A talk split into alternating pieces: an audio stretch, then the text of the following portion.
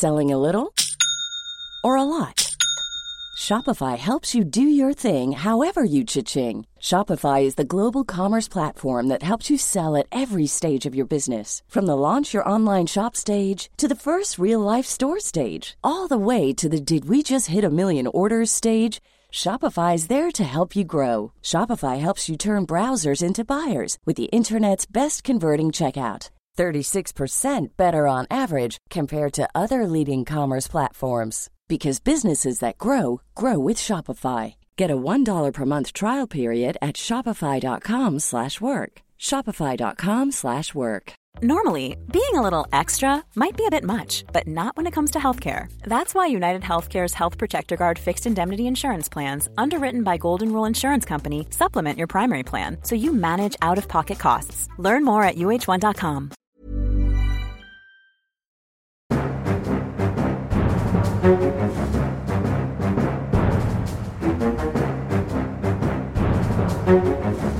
setter vi i gang med en ny episode Aftenpodden USA. Kristina Pletten, kommentator, du er på plass i Akersgata 55, vårt hovedkvarter i dag. God dag, god dag. God dag, god dag, Øystein. Ja, vi, jeg er her i Akersgata. Det laver ned snø utenfor, og jeg er superfornøyd i dag fordi at jeg har endelig fått en sånn kjempediger dunkåpe i posten som jeg har ventet på i ukevis, og her er Ja, ja. iskaldt. Så nå er, jeg, eh, nå er jeg virkelig sånn forberedt på vinteren for alvor. Ja, jeg sitter på kontoret mitt, og her har vi nå pakket eh, på en måte alt vi eier og har av ting. Vanligvis, jeg har jo reist hjem til Norge og fram og tilbake en god del mellom USA og, og mitt egentlige hjemland. Og det har jo vært sånn at man kan dra med seg en weekendbag. Jeg har en del ting i, i, i Oslo også. Av og til har jeg ikke sjekket inn bagasje i det hele tatt.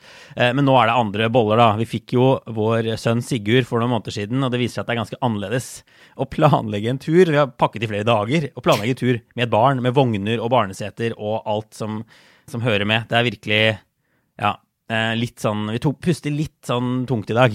Eh, litt spent. Han har jo aldri fløyet før. Og nå setter vi oss på seks-sju timers flight til eh, Oslo. Så hvis noen har en fleksbillett med SAS og skal fly til Oslo i dag, tirsdag, så anbefaler jeg kanskje å booke om. Eh, det kan være et godt tips. Ta onsdagsflyet isteden, eller torsdagsflyet, hvis du har den muligheten. Ja, nei, Kan ikke love noe. det er ikke bare bare å fly med små unger, altså. Det, det er vel noe med trykket i ørene kan være Ja. ganske sånn plagsomt for de når de flyr opp og ned og Jeg har alltid vært blant dem som har sendt sånn småskeptiske blikk til når jeg ser sånn barnefamilie komme og slå seg ned i setet foran eller bak.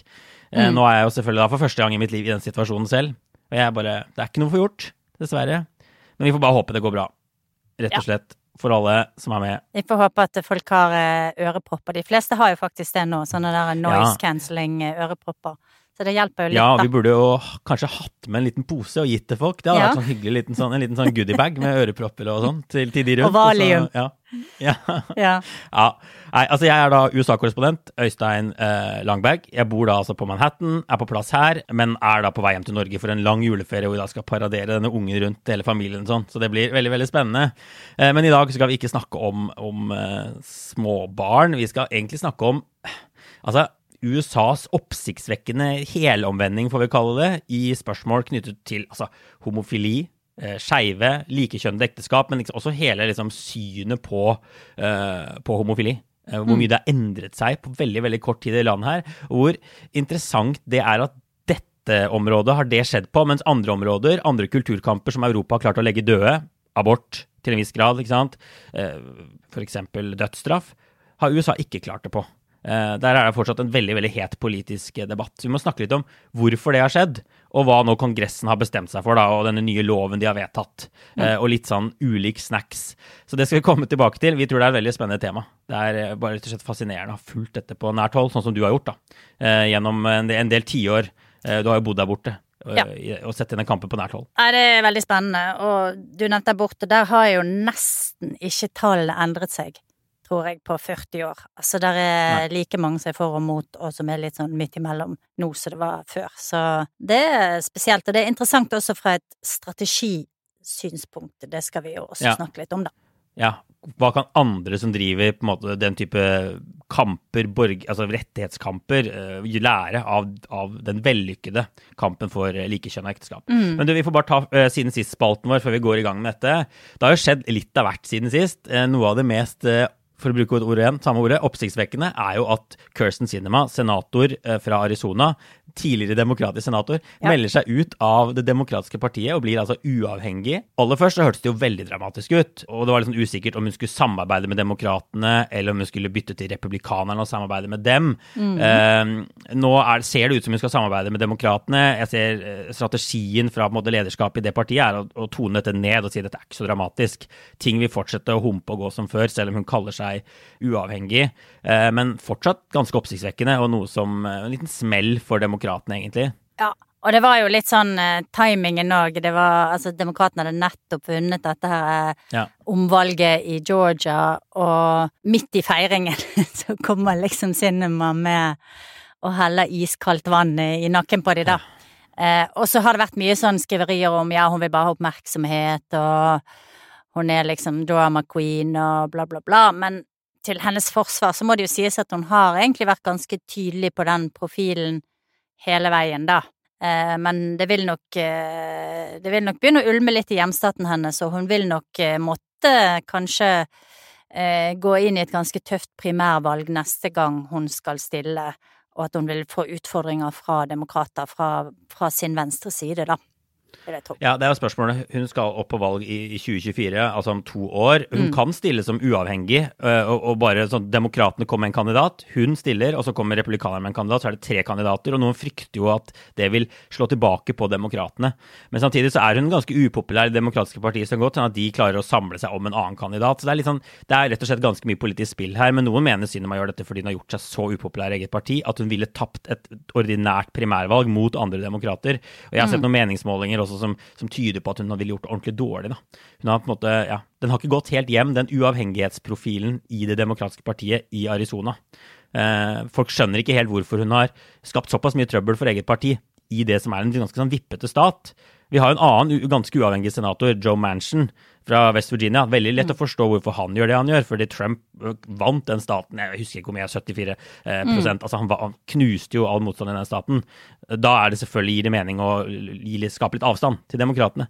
Men Cinema, det gir ikke like mye mening. Eh, det er jo andre, annet Mark Kelly, den andre senatoren fra Arizona. Han er jo mye tettere på Biden og vant et ganske komfortabelt gjenvalg nå.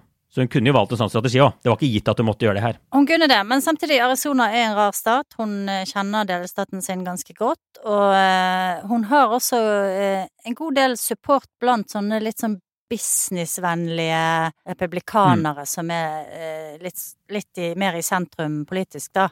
Og, ja. og kanskje det er en kalkulert risiko her, fordi at det republikanerne har stilt med de siste valgene, har jo vært veldig langt ut på høyresiden som heller ikke treffer liksom eh, moderate velgere fra den kanten, da, så jeg vet ikke. Mm. Kanskje kan det være et smarttrekk for henne. Det vil jo vi snart få vite mer om. Det vil vi snart få vite mer om. Og så får jeg bare ta med et punkt til her. Altså Basketstjernen Britney Griner. Eh, hun har sittet fengslet i, i, Russland siden februar. Hun har nå fått komme hjem til USA. Eh, de, altså, russerne har løslatt henne i bytte mot en våpenhandler som heter Viktor Baut. Og vi får bare si at denne saken har fått veldig mye oppmerksomhet i USA. Den har virkelig dominert eh, nyhetsbildet her, bl.a. fordi hun er såpass stor basketstjerne. Eh, hun ble pågrepet for å ha en sånn cannabisolje eh, og ble dømt til ni års fengsel, som jo amerikanerne og mange mener er altfor strengt, og at russerne tok denne saken for å bruke den til å presse amerikanerne, da, og til mm. å få denne våpen, eh, våpenforhandleren tilbake. Og noe av kritikken mot Biden når han gjør dette, er jo at, eh, at andre amerikanere Nå kan det bli et sånt våpen russerne bruker, eh, pågripe amerikanere og kreve masse løsepenger i hermetegn for å få det tilbake. Men det ble også feiret som en sånn stor seier å få henne hjem, da, Griner, eh, fra, mm. fra, fra, Russland. Mm. Og så skjer det jo en annen ting i USA i dag som jeg er veldig sånn spent og egentlig hva skal jeg si, litt sånn opprømt over, da, og det er jo denne nyheten om at eh, forskere i California endelig har klart å gjennomføre eh, fusjon på en måte som gjør at de har fått mer energi ut enn det de har puttet inn. Altså, det er eh, at de rett og slett skyter lasere mot eh, hydrogenatomer, og de slår seg sammen til å bli til et heliumatom, og i den prosessen så, eh, så, så, kommer det energi ut. Og dette her er jo en sånn Jeg tenker det er liksom egentlig sånn årets beste nyhet, kanskje århundrets beste nyhet i, mm. vil det se ut som når man ser tilbake gjennom 40 år, da. Eh, for dette her er, kan muligens være en kilde til nesten ubegrenset eh, energi uten utslipp av noe eh, slag og uten radioaktivt avfall. Så det er mm. veldig, veldig spennende, og energiminister Jennifer Granholm skal kunngjøre dette her i USA offisielt i dag, tirsdag. Så, ja. så det er stor nyhet. Og USA leder an igjen på innovasjonsfronten. Det er jo ganske typisk, egentlig. De får mye, får mye, dritt i landet her, men de får til mye bra også. Så det blir litt sånn glad-episode glad i dag, kanskje. da. Eh, flere, flere gladnyheter nå først, og så går vi da over til, til dagens hovedtema, som vi får kalle USAs eh, homorevolusjon, eller helomvending, da. Mm. Eh, som vi sa vi skulle snakke om. Jeg lurer på om vi skal starte med en liten quiz, et lite spørsmål, eh, som jeg kan lese, og så skal du gjette hvem som sa det. Altså Dette er eh, et sitat som lyder What I believe is that marriage is between a man and a woman. What I believe in my faith is that a man and a woman, when they get married, are performing something before God. Så spørsmålet mitt er hvilken fremadstormende senatskandidat sa dette i 2004, tror du? Barack Obama. Det er riktig. Veldig bra. Jeg ga for mye da med fremadstormende Men altså, Barack Obama uttalte dette til en lokal eh, TV-kanal i Chicago i 2004. At, eh, mm. at, eh, ekteskapet er mellom en mann og kvinne, og noe de gjør foran, foran Gud relativt sånn Ville bli sett på som relativt konservativt i dag hvis noen hadde sagt det her. Det er ikke noe Obama ville sagt i dag. Han ble jo på mange måter i presidentskapet sitt et symbol på den transformasjonen USA har vært igjennom. Mm. og på sosiale fremskritt, og ikke minst på legalisering av likekjønnet ekteskap. Da, som det heter, eh, mm. eller homoekteskap, til slutt. Men dette var altså det Obama sa eh, tilbake i 2004. Ja. Eh, så det jo er eh, interessant. Det er veldig interessant, og 2004 var et år der homoekteskap spilte en veldig stor rolle i valgkampen. Det var altså da John Kerry eh, utfordret eh, George W. Bush om å bli mm. president. Og det var ganske mye misnøye egentlig i USA allerede da med Bush. Eh, og masse folk som engasjerte seg i den valgkampen. Og så begynte man å vie homofile par i eh, San Francisco. Gavin Newsom som var eh, ordfører i San Francisco. Og det grep eh, republikanerne behendig fatt i, og, og, pumpet den saken opp mm. noe voldsomt. Og da var motstanden såpass stor og frykten for eh, holdt på å si, moralsk forfall og at hele samfunnet skulle rakne, eh, grep om seg og var med på i veldig stor grad å avgjøre den valgkampen i 2004. Ja, og Vi må ta noen historiske tilbakeblikk her og bare snakke litt om folk som har endret mening, og et land som har endret mening. Vi får bare starte med nyheten og grunnen til at vi snakker om dette i dag. og det er at Kongressen i USA har vedtatt en ny lov som kalles mm. The Respect for Marriage Act som skal altså, sikre måte gyldigheten til homofile likekjønnede ekteskap i USA. Det skal sørge for at ekteskap som er inngått i andre stater, anerkjennes over hele landet. Eh, og Bakgrunnen da for at de gjør dette nå, er at vi husker jo tilbake i sommer, da Høyesterett opphevet den nasjonale retten til selvbestemt abort, mm. eh, Roe mot Wade, så, så, fryktet noen, det oppstod en frykt også etter det, at eh, retten til likekjønt ekteskap kunne være den neste måte, rettigheten som sto i fare. For i likhet med den nasjonale retten til selvbestemt abort, så var jo denne eh, retten til homoekteskap noe eh, Høyesterett eh, kom opp med, fant på i 2015. Den, kom, den ble liksom etablert gjennom en dom, og ikke en, ikke en eh, ikke et vedtak i Kongressen. Nei. Så det har i hvert fall liksom spredd seg sånn frykt nå, og nå har da demokratene og noen republikanere tatt grep og vedtatt en lov som da skal sikre disse rettighetene, selv om Høyesterett skulle ombestemme seg senere. Noen mener at det er veldig overdrevet, eh, den faren for at Høyesterett skal ombestemme seg i spørsmålet om homoekteskap, men likevel, nå har de faktisk vedtatt denne loven. Da. Eh, og det som er fascinerende, er at den ble vedtatt med ganske sånn store tverrpolitiske flertall i begge kamrene. Det var 61 senatorer som stemte for, altså 11 republikanere stemte for. Og i Representantenes hus var det 258 som stemte for. 40 40 republikanere. Så er, denne loven er nå liksom vedtatt. Den blir undertegnet av Joe Biden tirsdag.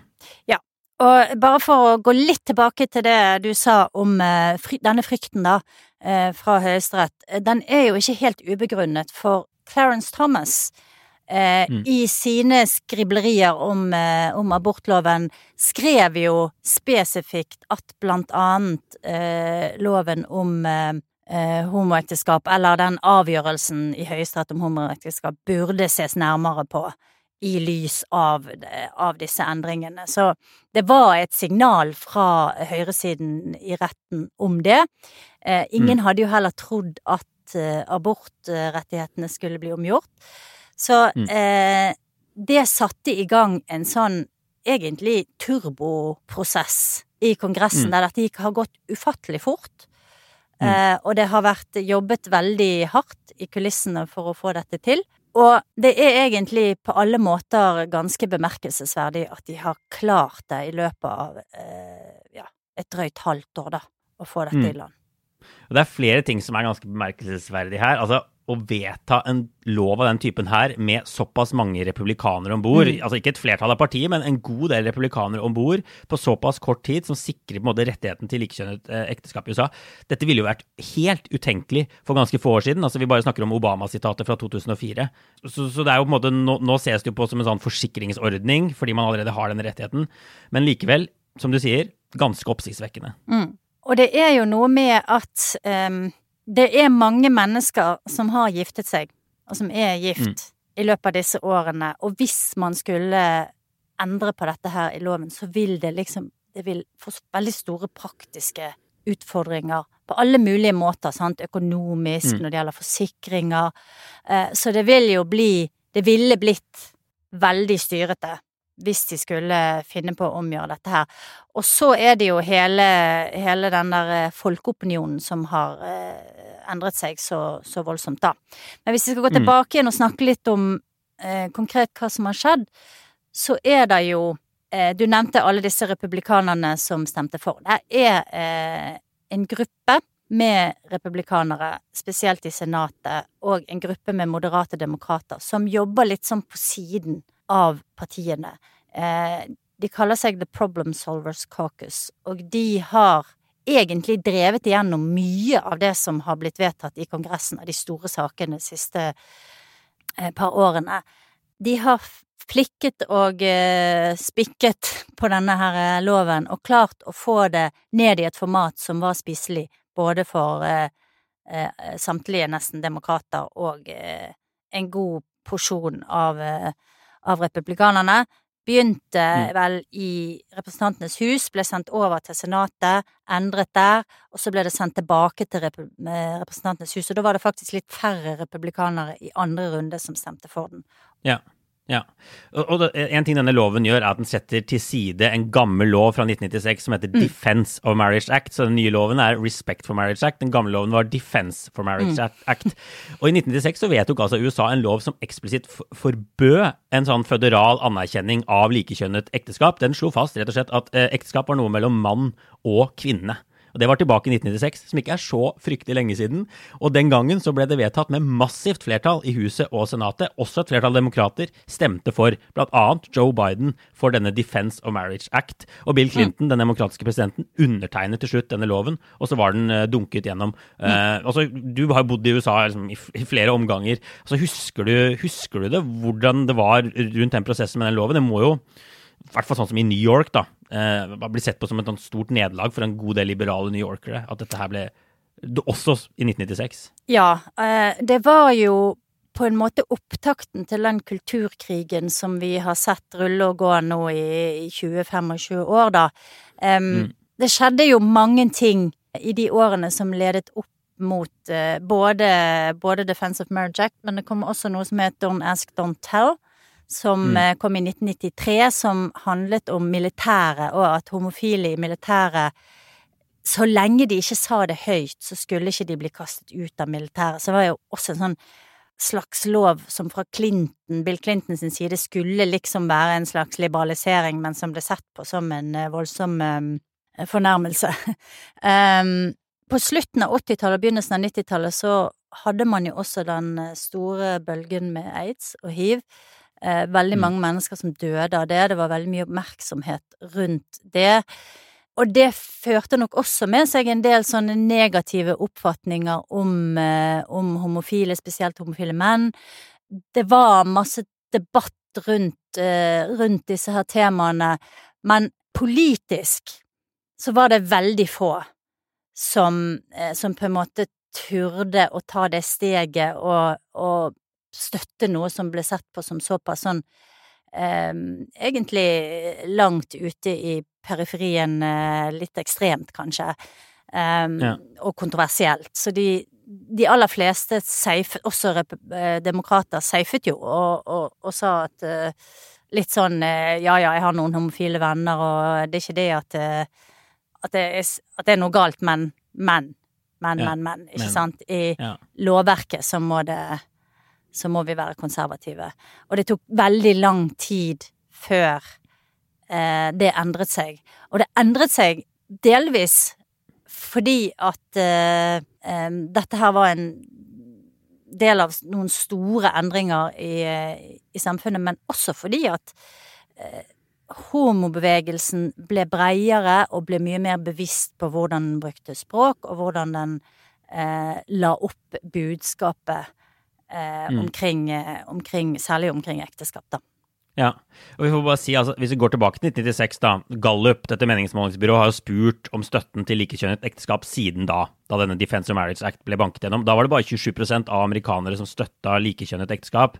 Eh, ikke sant? Og så har det tikket og tikket og tikket oppover, og nå er det 71% Som også er en sånn sosial endring som er også helt sånn uten sidestykke, tror jeg, i, i amerikansk historie. Mm. Hvor raskt den endringen har gått fra en liten minoritetsstøttere til et massivt flertall støtter det. Også nå tror jeg er det flertall blant republikanere, i hvert fall blant velgerne, for, mm. for en del sånne type ting. Og det, og det, er jo ikke bare ekteskapsspørsmålet. Dette liksom, synet på homofili generelt har også endret seg i takt med det her her så handler det ikke bare om liksom, muligheten til, til, å, til, å, gifte seg. Og dette har gått fra å være en sak som splittet demokratene, til å være en sak som nå splitter republikanerne. ikke sant? Så demokratene er mye mm. mer komfortable med den saken. De er veldig forent rundt, rundt, dette spørsmålet. De hadde jo faktisk den første åpent homofile presidentkandidaten i Pete Buttigieg eh, ved forrige valg også. Han vant jo riktignok ikke, da, men han kom jo et stykke på, et stykke på vei. Så det har skjedd mye på, på, kort tid. Men vi får snakke litt mer altså, om hva som ligger bak denne endringen. Du har jo vært inne på noen ting nå, men ikke sant. Eh, USA har til en viss grad klart å legge ballen død i debatten rundt homofilt ekteskap på en måte Europa har gjort. Eh, det var i 2009 Norge innførte retten til likekjønt ekteskap, eh, eller legaliserte det i Norge, så det var jo ikke så mange år før USA. Men i Europa så har dette bredt seg, og veldig mange land har jo innført sånne lover også. Men i, i Europa så er vi jo mye mindre eh, sant, debatt rundt abort, dødsstraff, våpen. Mens de sakene er jo fortsatt veldig veldig hete poteter i USA. Så man kunne jo lett sett for seg at, at også homoekteskap ikke ville blitt eh, At man ikke ville funnet en slags enighet i samfunnet, da, men at dette ville fortsatt vært en sak som var splittet USA på midten. Så vi må mm. snakke litt om liksom, hvorfor Hvorfor ble det ikke det? Hva var det som liksom gjorde Hva er det som er spesielt med den saken? Som gjorde at aktivistene da, og, og, og sånn vant fram og fikk med seg folket, og Høyesterett, eh, og at den saken er ganske sånn Vi skal snakke litt mer om utfordringene fortsatt, men, men at den saken er sånn stor mm. oppslutning om, da. Um, jeg tror at er, er, flere elementer til dette. I USA så Og, og jeg tenker egentlig USA var, var tidlig ute. De var tidligere ute enn Europa med å, mm. å, anerkjenne homofile, med å snakke om det, med å, med å gi homofile synlighet i TV-serier. Ellen DeGeneres altså, var jo, kom ut av skapet på 90-tallet og hadde sin uh, en sånn TV-serie som det ble veldig mye oppmerksomhet rundt. Uh, så var en del ja, si Pride også har jo røtter nedi gata her, Stonewall eh, ja. fra New York City òg, så, så ja. det er jo USA har vært framme, men de har jo vært aktivister, ikke nødvendigvis det store, brede laget av amerikanske folk da, i mm. ryggen. Og, og, og, Norge har jo hatt sine, sine, forbilder og folk som har gått foran, eh, men jeg tror at her hjemme så eh, så var debatten på en måte nesten ikke-eksisterende veldig lenge, og så eh, gikk det veldig fort. Når det først begynte mm. å, å, endre seg. Det handler jo det handler om flere ting. Det handler om, om, om, om kirkens kanskje etter hvert liksom løsere grep eh, om politikken. Det handler om generasjoner, altså at yngre var mye mer eh, positiv. Men det som jeg tror har gjort homobevegelsen mer eh, suksessrik enn mange andre lignende type aktivistbevegelser, er at de, de tok et bevisst valg sånn tidlig på 2000-tallet om å endre måten de fremmet budskapet på og det har vært mange mennesker involvert i dette her, men er for eksempel et eh, kommunikasjonsbyrå i eh, USA som var en sånn rådgiver, eh, hadde en rådgiverfunksjon, som, som gikk inn i dette her og gjorde masse undersøkelser. Hvorfor er dette kontroversielt? Hvorfor er folk så imot det? Hvordan kan vi endre budskapet vårt? Og kom, kom frem til at man hadde snakket veldig mye om rettigheter, altså rights, legal rights, Mm. så det ble et sånn juridisk spørsmål der for eksempel i California så skulle man stemme over noe som het Proposition 8, ikke sant, som var eh, en sånn innfløkt juridisk greie. Og det man kom frem til, var at det å snakke om følelser, å snakke om eh, kjærlighet, å snakke om eh, likhet, likeverd, equality, Mm. marriage equality, eh, det var mye, mye mer effektivt, og da kunne folk forstå på en annen måte hva dette eh, dreide seg om. Og det var helt Altså, det hadde så ekstremt gjennomslag, tror jeg, og, og, og så hadde jo du en bevegelse i mange land, og disse lærte av hverandre, og lærte hvordan de skulle em, forme budskapet sitt, da. Men jeg tror eh, i ettertid så er det eh, en prosess som sikkert mange burde lære noe av. Jeg har tenkt ofte at klimabevegelsen, for eksempel, kunne lært mye av måten dette her ble, ble formulert på, da. Um, Fordi at man, man gikk veldig sånn inn for en positiv, optimistisk måte å forme budskapet på. At Ja. homofile er mennesker akkurat som, som, som du. Eh, de vil ha eh, bare akkurat det samme. De vil gifte seg, de vil få barn, de vil leve normale liv. Eh, Ja. Og det eh, var, tror jeg var det som virkelig fikk liksom nålen til å, å, å, å springe veldig fort fra ene enden til andre av spektrumet, da. Eh, men Ja. det, det, det er superinteressant. Det handler jo om liksom sånn massepsykologi, på sett og vis. Ja. Jeg ser, jeg ser noen peke på litt forskjellige ting på hvorfor det, den har vært såpass vellykket, f.eks. For i forhold til abort, da. Abortsaken, som jo ikke har vært liksom spesielt vellykket, og hvor den kristne høyresiden har klart å slå virkelig tilbake nå, da, med å fjerne den nasjonalretten. Men USA fikk en veldig liberal lov veldig tidlig i den eh, Roe versus Wade-dommen, så det ble kanskje Kanskje timingen har fungert bedre, og tok tid for homobevegelsen, men de 2015 var kanskje USA mer klar for det, og de fikk på en måte en sånn ikke gradvis legalisering. De mest liberale statene hadde jo gått i, i bresjen på forhånd. Og man har jo fortsatt eh, i den dommen, og så står det vel fortsatt at liksom høyt respekterte mennesker eller et, Det er en sånn der, Det ligger noen sånne klausuler innom at det fortsatt er OK ikke synes at homoekteskap er greit, og at kirken skal kunne si nei og sånt. Og det var um, mens, mens Roe versus Wade innfører jo ikke sant uh, abort opp til, uh, opp til levedyktighetstidspunktet i 1973, som var en sånn kanskje voldsom slag i ansiktet over natta for uh, som var kanskje en mer sånn brå overgang da, på et eller annet nivå. Jeg vet ikke. Og så ser jeg noen si peker på at ekteskap til syvende og sist er en konservativ institusjon. Mange som liker tanken på en familie og barn, og selv om det er homofile, så er det sånn vanskelig å argumentere imot. Og denne ideen med at de vil være som alle, an- de vil alle andre, de vil ikke være annerledes. ikke sant? De vil bare passe inn i samfunnet. ikke sant? Ha respekt for bare hvem de elsker, som du sier. Og så er det denne snøballeffekten, da, som man ikke får kanskje helt på samme måte på abort. Uh, at flere og flere kommer ut, flere og flere kjenner noen nære som er homofile. Uh, og så, og så, så blir det plutselig mye mer vanlig for folk da, å ha homofile venner og sånn. Ganske sånn kjapt over natta. Kombinert med popkultur og, og de tingene du har vært inne på. Eh, Altså, jeg tror Ja, jeg tror det. Jeg tror at uh, den snøballeffekten har også et viktig Etter at man liksom uh, snudde om på måten man la frem budskapet, da. Og så tenker jeg det at det er jo ofte sånn i sånne Hvis du ser på feministbevegelsen eller liksom borgerrettighetsbevegelsen i USA eller homobevegelsen, så begynte det jo med de som sto på barrikadene, de som var mest høylytt, de som våget mest, som var modigst, var jo Mm. også de som kanskje var liksom den harde kjerne i en, i en sånn counterculture, i en, Mm. i en undergrunnskultur, som ble på en måte krigere, da, Mm. eh, fra utsiden. Og så handler jo det da om, når man begynner å få aksept, å utvide basen og, og, og hente det inn i liksom allmennheten. Eh, og det har vært og det, Innad i homobevegelsen har jo det også vært eh, et stridsspørsmål, liksom, hvor, hvor langt skal man gå i liksom å, å viske ut det som var et slags sånn eh, Det som var en homofil kultur, det som Mm. handlet om kanskje å være litt annerledes. Altså skal alle nå liksom inn i en kjernefamilie og få unger, og er det det som er målet? Så det har, det har jo vært en, en diskusjon, eh, og det, du ser noen paralleller i borgerrettighetsbevegelsen og i, i, blant svarte i USA, da.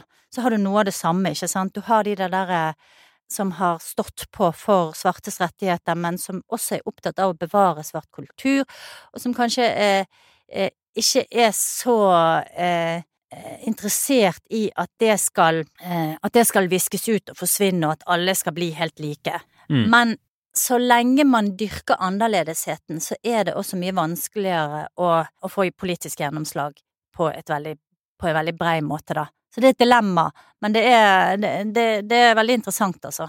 Og det mm. i, i, Norge så er det jo Det er jo en sånn følelse nå av at det alltid har vært sånn. At det ikke er noe homofobi i Norge, at uh, her er jo alt greit. Men som du sa, det er Du skal bare tilbake til 2009. Eh, mm. før, eh, før, dette ble lovlig. Jeg, jeg giftet meg i, i 2016. Eh, mm. Da var det altså syv år siden, siden det, var, det, ble lov å gifte seg. Det var ikke lenger enn det. Ja. Og, Nei, og, det er ikke så veldig lenge siden, siden norske statskirken heller gikk på en måte endret standpunkt. Jeg tror de hadde en, eh, faktisk en kronikk i Aftenposten, var det i fjor, som ble underskrevet av alle biskopene, der de, der de unnskyldte eh, mm. all smerten de hadde påført homofile. Så jeg tror for for veldig mange av oss så føles dette her eh, kanskje på en annen måte enn for resten av samfunnet, da, fordi at vi har opplevd den andre siden og vet at det ikke alltid føles trygt, at det ikke alltid er eh, at, det ikke alltid har vært sånn. At det ikke alltid mm. har vært sånn at du kunne være åpen, at du kunne eh, være sammen med den du ville, da. Eh, mm. Og jeg tror eh, at det kanskje er vanskelig for andre å helt forstå den sårheten og den eh, frykten som, som, alltid ligger der, og som, som, jeg tror eh, vil være en del av veldig mange av oss, da, eh, mm. resten av vårt liv. Selling a little or a lot? Shopify helps you do your thing however you cha-ching. Shopify is the global commerce platform that helps you sell at every stage of your business. From the launch your online shop stage to the first real life store stage, all the way to the did we just hit a million orders stage. Shopify is there to help you grow. Shopify helps you turn browsers into buyers with the internet's best converting checkout. 36% better on average compared to other leading commerce platforms because businesses that grow grow with Shopify. Get a $1 per month trial period at shopify.com/work. shopify.com/work.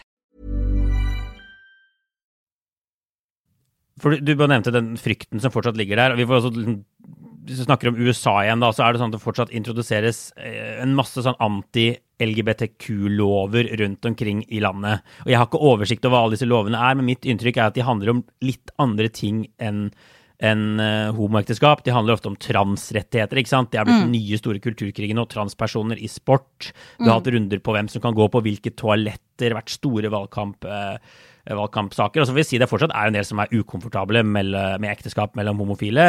Du ser jo det er masse republikanere som stemmer imot denne loven nå, og som noen begrunner det i på en måte at det er en trussel mot kjernefamilien og klassiske kristne verdier og, øh, og den type ting, mens andre sier at det liksom er en fare for religionsfrihet. Noen har funnet andre veier. Folk fant mange grunner til å stemme imot, øh, for å si det sånn, og flertallet gjorde det fortsatt. Men, men hva, liksom, hva, tenker du er status i dag, da? altså, for det første, hvis man er altså, homofil og vokser opp i USA jeg vet ikke altså, hvor lett eller vanskelig er det. Det er jo åpenbart mange kristne miljøer i USA uh, som er enda mer sikkert lukket enn, og mye større enn kristne miljøer i Norge, hvor det er veldig veldig vanskelig fortsatt. Jeg tror fortsatt at det er veldig vanskelig for mange mennesker. Det er vanskelig å komme ut av skapet, det er vanskelig å, å kanskje være ærlig med deg sjøl. Uh, jeg mm. tror det gjelder både Norge og i USA, da. Og selv om det har vært mye kampanjer, og selv om det er en helt annen synlighet, så tror jeg eh, det ligger der fortsatt. Og så er det jo eh, Det kommer jo en backlash nå som handler delvis om LGBTQ eh, pluss. Ja.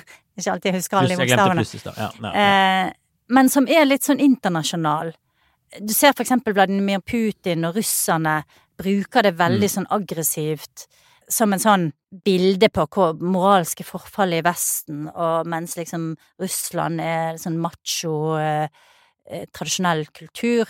Eh, du ser mm. det Bolsonaro i Brasil hadde mye av det samme. Um, så det der plukkes jo også opp i den amerikanske høyresiden i sterkere og sterkere grad.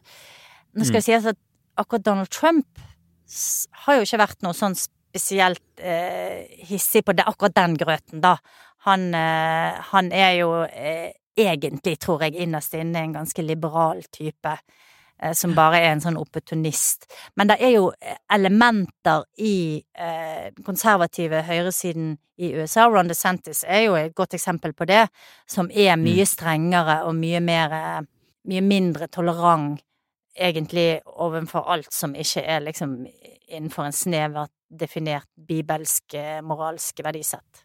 Ja, og så ser jeg noen, jeg ser noen eh, måtte beskylde høyresiden for å gradvis ta bort noen av rettighetene som er blitt vunnet. Og det handler ikke bare om transrettigheter og den kulturkrigen der, men det handler også om rettigheter for altså, f.eks. homoekteskap. Det er en sak oppe i Høyesterett nå. Mm. USA har hatt flere stadig sånne saker i Høyesterett om, om folk som driver bedrifter, og som ikke vil lage ymse produkter for eh, homofile bryllup, ikke sant. Og nå har du en webdesigner fra Colorado, kristen dame, som påberoper seg retten til ikke å designe nettsider for likekjønna bryllup. Hun sier det handler om ytringsfrihet. Og noe av debatten er er det en ytring å lage en sånn nettside, eller er det ikke en ytring? Er det bare et vanlig produkt du selger? Um, og det er en, sånn, en sak i Høyesterett som den høyesteretten, den konservative høyesteretten i USA nå har har nå har liksom sagt seg villig til å diskutere og debattere, og det er jo ofte tegn på at det kan, uh, kan komme, komme, endringer. og liksom, så Prinsippet her er jo på en måte om offentlige bedrifter kan nekte å selge tjenester eller ta imot folk, da, f.eks. basert på kjønn, rase eller legning. Colorado har en antidiskrimineringslov som sier at det er ikke lov. Mm. Uh, og de mener at den, den, denne webdesigneren bryter med den antidiskrimineringsloven. Uh, Men så sier de konservative dommerne, nå har de hatt en, en debatt, offentlig debatt i Høyesterett, at, uh, at folk f.eks. som driver forlag, kan nekte å gi ut bøker de ikke er enig med. men så sier de vel også samtidig at liksom, de ville aldri sagt at en restaurant kan si du er homofil, du får ikke lov til å spise her. ikke sant? Så det er, det er et sånt, en gråsone, da, og de mener vel, det virker som de konservative dommerne, at webdesign er ytter, liksom, hun blir forsvart av ytringsfrihetsparagrafen, hun dama. da. Så hun mm. skal kunne nekte Det virker som det er den veien det går, da. At hun skal kunne si nei. Ja, og, og, og dette handler jo om at høyresiden også, altså, altså på en måte eh, homobevegelsens motstandere, har også endret sin retorikk og sine, sin strategi, og har også begynt å snakke mer om likeverd og, og sine egne rettigheter, istedenfor å være mot eh, homofile. Så det, det, de snakker om nå, er jo eh, religious freedom.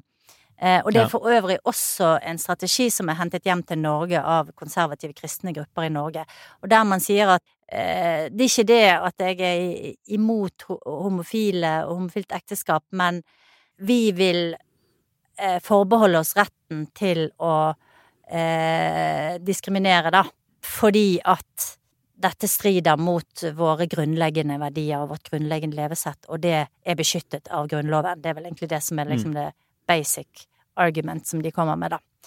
Eh, og det er jo også interessant hvordan man har eh, Hvordan man har endret måten, eh, måten å, å liksom ramme inn dette budskapet på. Mike Pence har vært veldig sentral der, altså tidligere visepresident Mike Pence, vært veldig sentral mm. i eh, å pushe dette her eh, religious freedom-konseptet. Eh, og som sagt, det har også blitt eksportert til Europa og kan nok også dukke opp i flere europeiske land som, en, eh, som et issue, både politisk og juridisk. Jeg ser også Det er en sånn debatt blant demokratene om hvordan de skal bruke det at partiet nå er forent om homoekteskap. De har US de har landfolket i ryggen. Eh, hvordan de kan liksom tjene politisk på det her. Og det var en debatt blant annet, denne loven de nå har vedtatt, den ventet de med til etter mellomvalget for å få med seg republikanere. For å sikre at de måtte nemlig ha det er denne filibuster-regelen som gjør at de må ha med seg ti republikanere i Senatet for å få den gjennom. Så de mm. ventet etter mellomvalget for å sikre at de fikk med seg ti republikanere. For det er en del republikanere som ikke kunne stemt for før mellomvalget. Men så er det også noen demokrater som mener de burde stemt før mellomvalget, og så fikk de heller den loven ikke bli vedtatt. Og så fikk de på en måte vist frem hvor eh, gammeldagse republikanere republikanerne er i synet på, på homoekteskap. Og noen som mener at de nå Det er jo også fortsatt sånn som for abort, at det er en del gamle lover fra 1800-tallet og 1900-tallet rundt omkring, og, og, i delstatsgrunnlover som er ute av drift fordi Høyesterett har sagt at man skal kunne vie folk og sånn, ikke sant. Men at de mm. nå skal gjøre disse til en sak, da bli kvitt disse gamle paragrafene og sånn, og gjøre, piske opp liksom stemningen litt, og, og bruke dette mer politisk aktivt, da, ettersom det er en tapersak for republikanerne. Eh, og de kan brukes til å stemple de igjen da, som ekstrem maga republicans, ikke sant, som, som Biden har gjort. Så jeg vet ikke, men, men hvor, hvilken vei føler du vinden blåser? Hvordan tror du dette kommer til å se ut om ti år i USA? Tror du det er altså, mindre rettigheter, at rettighetene vil bli gradvis innskrenket av Høyesterett og sånn, sånn som vi ser tegn til? Eller tror du på en måte Er denne kampen vunnet? Åh, oh, det er Det er skummelt å skulle si at den kampen er vunnet, føler jeg. Eh, det er jo, eh, som sagt, det brukes jo aktivt i kulturkrigen, og nå har du transbevegelsen som har kommet inn, og som jeg snakket om tidligere, ikke sant, du har eh, i begynnelsen av sånne bevegelser, så er det de, de, de modigste og de kanskje mer ekstreme kreftene, de mest ja, intense, ja. som står på barrikadene, og det skaper friksjon, og det skaper uh, uro, og en del uh, mennesker uh, reagerer negativt på det.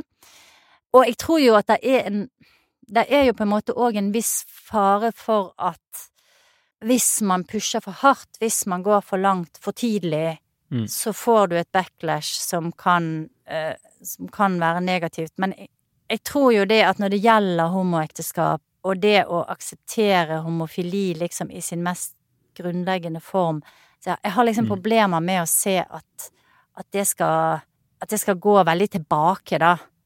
Dette kan mm. være sånn famous last words, og kanskje, kanskje tar jeg veldig feil, men, men det er jo holdninger som ligger veldig mye i den eldre delen av befolkningen. Så ja, jeg, jeg håper i hvert fall. Jeg håper at, jeg, jeg håper at det er sånn. Jeg får vel, jeg får vel si det. Det, det, er mer et håp enn en tro. ja. ja. Men bra, bra, Jeg tror vi skal sette strek der uh, og gå over til obligatorisk refleksjon. Og jeg, min OR har litt med dette vi har snakket om i dag så jeg kan bare gå, gå mm. først. Uh, vi nevnte jo popkultur, og at det også har liksom drevet fram og bidratt sammen denne snøballen da, til at, til at det har blitt mer og mer aksept for det. Og jeg er veldig fan av den eh, sitcomen Modern Family som jo er eh, De har laget siste sesong for noen år siden og sånn. Den er jo ganske mm. gammel, men jeg syns den er fryktelig morsom. Det handler om eh, flere generasjoner med Pritchett, som familien heter, som bor i California. Der er det både liksom et homofilpar, det er nye koner, gamle koner, barn i forskjellige aldre og litt sånn kaos. Veldig morsomt. Både Obama og Mitt Romney sa i 2012 i valgkampen at dette var liksom deres favoritt-TV-serie. Det var den de så på på kvelden, som også er fascinerende, eh, for de kommer fra to veldig forskjellige partier. Så det var en, en en serie som favnet ganske bredt og som av noen da har fått æren for å gjøre homoekteskap litt mer mainstream, fordi denne serien var såpass mainstream. Eh, og de gifter seg jo faktisk, dette homofile paret, i denne serien. Eh, mm. Ganske sånn i takt med, i takt med utviklingen i, i, USA også. Så noen av disse skaperne har snakket litt om det derre å bli trukket mellom det å drive aktivisme, for de mener at de ikke gjorde det. De lagde bare en helt sånn veldig sånn lettsvelgelig serie. Men likevel at sånne type serier da, kan kanskje ha mye mer å si enn serier som går inn og er mye mer aktivistiske. Men som du sier, da, det handler jo om liksom hvor i syklusen man er også. Om man er liksom tidlig, tidlig ute, eller om man er der ting er i ferd med å bli, eh, bli mainstream eh, også. Men du, min ord er bare rett og slett at han, eh, han eh, som laget Modern Family, Steven Leviton heter han vel han har mm. laget en ny serie nå som heter Reboot, som er ganske morsom. Eh, som det går an å gå inn og se på, som handler om, eh, om eh, en sånn gammel 80-tallsserie som nå skal liksom settes opp på nytt med de gamle skuespillerne. Ah. Og det er jo liksom ganske mange eksempler på at det går skikkelig til helvete. Ganske ja. morsomt sånn konsept for en serie, da. Jeg tror den ligger på Disney pluss i Norge. Uh, så jeg, for jeg har liksom lett etter noe nytt sånn Modern Family som jeg kan se på mens jeg spiser middag, og sånn, som er veldig enkelt. 20 minutter og sånn. Reboot bare én sesong. Ikke like morsomt, men kanskje verdt å se på, da, hvis man syns ja. det ja. Og bare et, Apropos du nevnte Mitt Romney, der, og han var jo en av disse senatorene som faktisk stemte for uh, denne nye loven. Ja, og det er jo uh, skikkelig turnaround også for han. Og er egentlig en konservativ ja. hormoner. Ja. Så det er jo Det er jo egentlig smått utrolig når du ser på den listen over folk, da. Ja, bildet på helomvendingen. Virkelig Mitt Romney. Hvis du kan gå tilbake til 2012 Ja, og se det han sa om, om, om eh, da han forsvarer, i hvert fall med, med den der Defense of Marriage Act tilbake da, og med en mann og kvinne og ekteskap og sånn. Så det er, kanskje han har sett så mye på Modern Family da, at han har, hjertet hans har smeltet, og så har han blitt helt solgt, rett og slett. Min OR er, handler nok en gang om fotball-VM. Eh, det blir jo sikkert siste gangen da, siden det er finale nå på søndag. Men eh, i dag skal altså Kroatia spille semifinale, og det er mitt favorittlag. Og på Kroatia så er det en mann som heter Luka Modric, som eh, jeg bare føler har blitt så utrolig undervurdert. Altså, han har jo Han blir jo ofte nevnt sånn som eh, en sånn old Altså, han er litt sånn ja, du har Messi og Ronaldo, alle de beste, og så har du jo han som liksom er også Mm. god. Men eh, eh, han er 37 år, han har spilt, jeg tror, hvert, nesten hvert eneste sekund av, eh, av dette VM-et, og eh, løper over hele banen, og, og hans forhistorie, eller hans bakhistorie, er eh, også veldig interessant, fordi at han vokste opp i eh, Jugoslavia under krigen. Landsbyen hans ble bombet, og de måtte flykte, og han vokste opp på et sånt flyktninghotell, i hvert fall i, i deler av barndommen, og eh, kommer altså ut av eh, den krigssituasjonen og blir en stjerne og en sånn fyr som på alle møter løfter laget sitt, og er selvfølgelig en kjempehelt i hjemlandet, som er mindre enn Norge, Ja. eh, bare så det er sagt. Eh, så jeg har tenkt så mye på på han og på hvordan et så lite land kan klare å komme så langt. da. De var jo i finalen sist eh, VM også, faktisk. Mm. Med bare sånn rein vilje, tror jeg. Mm. Det er utrolig fascinerende, og eh, gir jo kanskje litt håp for nordmenn òg, da. Om at eh, en eller annen gang i fremtiden så skal også Så skal også det norske landslaget få en Ja. sånn fyr som kan virkelig eh, Ja, kanskje Martin Ødegaard. Som kan løfte, Håland, løfte Håland landslaget. Som, ja, som kan tro at det går an, rett og slett. Og det handler jo om det, tror jeg. Mer enn noe annet. Ja, det gir jo litt tro, så vi håper de går bra. Men det har allerede gått bra, da. Vi får si det hvis de allerede har tapt når du hører dette her, Kroatia. Så får vi si at det likevel er, står stor respekt av det de har gjort. Det er det du sier. Ja, herregud. Vi er vinnere ja. uansett. Ja, Ja. nemlig. For det kan jo hende. Vi får se hvordan det går. Det vil være oppsiktsvekkende hvis vi kommer til finalen igjen, i hvert fall. Det er helt Ja, fantastisk. jeg skal i hvert fall heie på de uansett. Ja. Veldig bra. Veldig bra. Du, jeg tror vi setter strek der, eh, Kristina. Og så er det sånn at vi nå lager eh, tre lukkede episoder, og så har vi én eh, hver fjerde episode ligger åpent i Spotify og, og iTunes og sånn som før. Og dette er da en av disse åpne episodene. For de som hører oss nå for første gang, eller som ikke pleier å høre oss, så er det sånn at man kan abonnere på Aftenposten eller Podme, og da høre oss i disse appene hver eneste uke. Og inntil neste uke så sier vi bare til alle ha det bra. Ha det, ha det. Selling a little or a lot? Shopify helps you do your thing however you cha-ching. Shopify is the global commerce platform that helps you sell at every stage of your business. From the launch your online shop stage to the first real life store stage, all the way to the did we just hit a million orders stage. Shopify is there to help you grow. Shopify helps you turn browsers into buyers with the internet's best converting checkout. 36% better on average compared to other leading commerce platforms because businesses that grow grow with Shopify. Get a $1 per month trial period at shopify.com/work. shopify.com/work.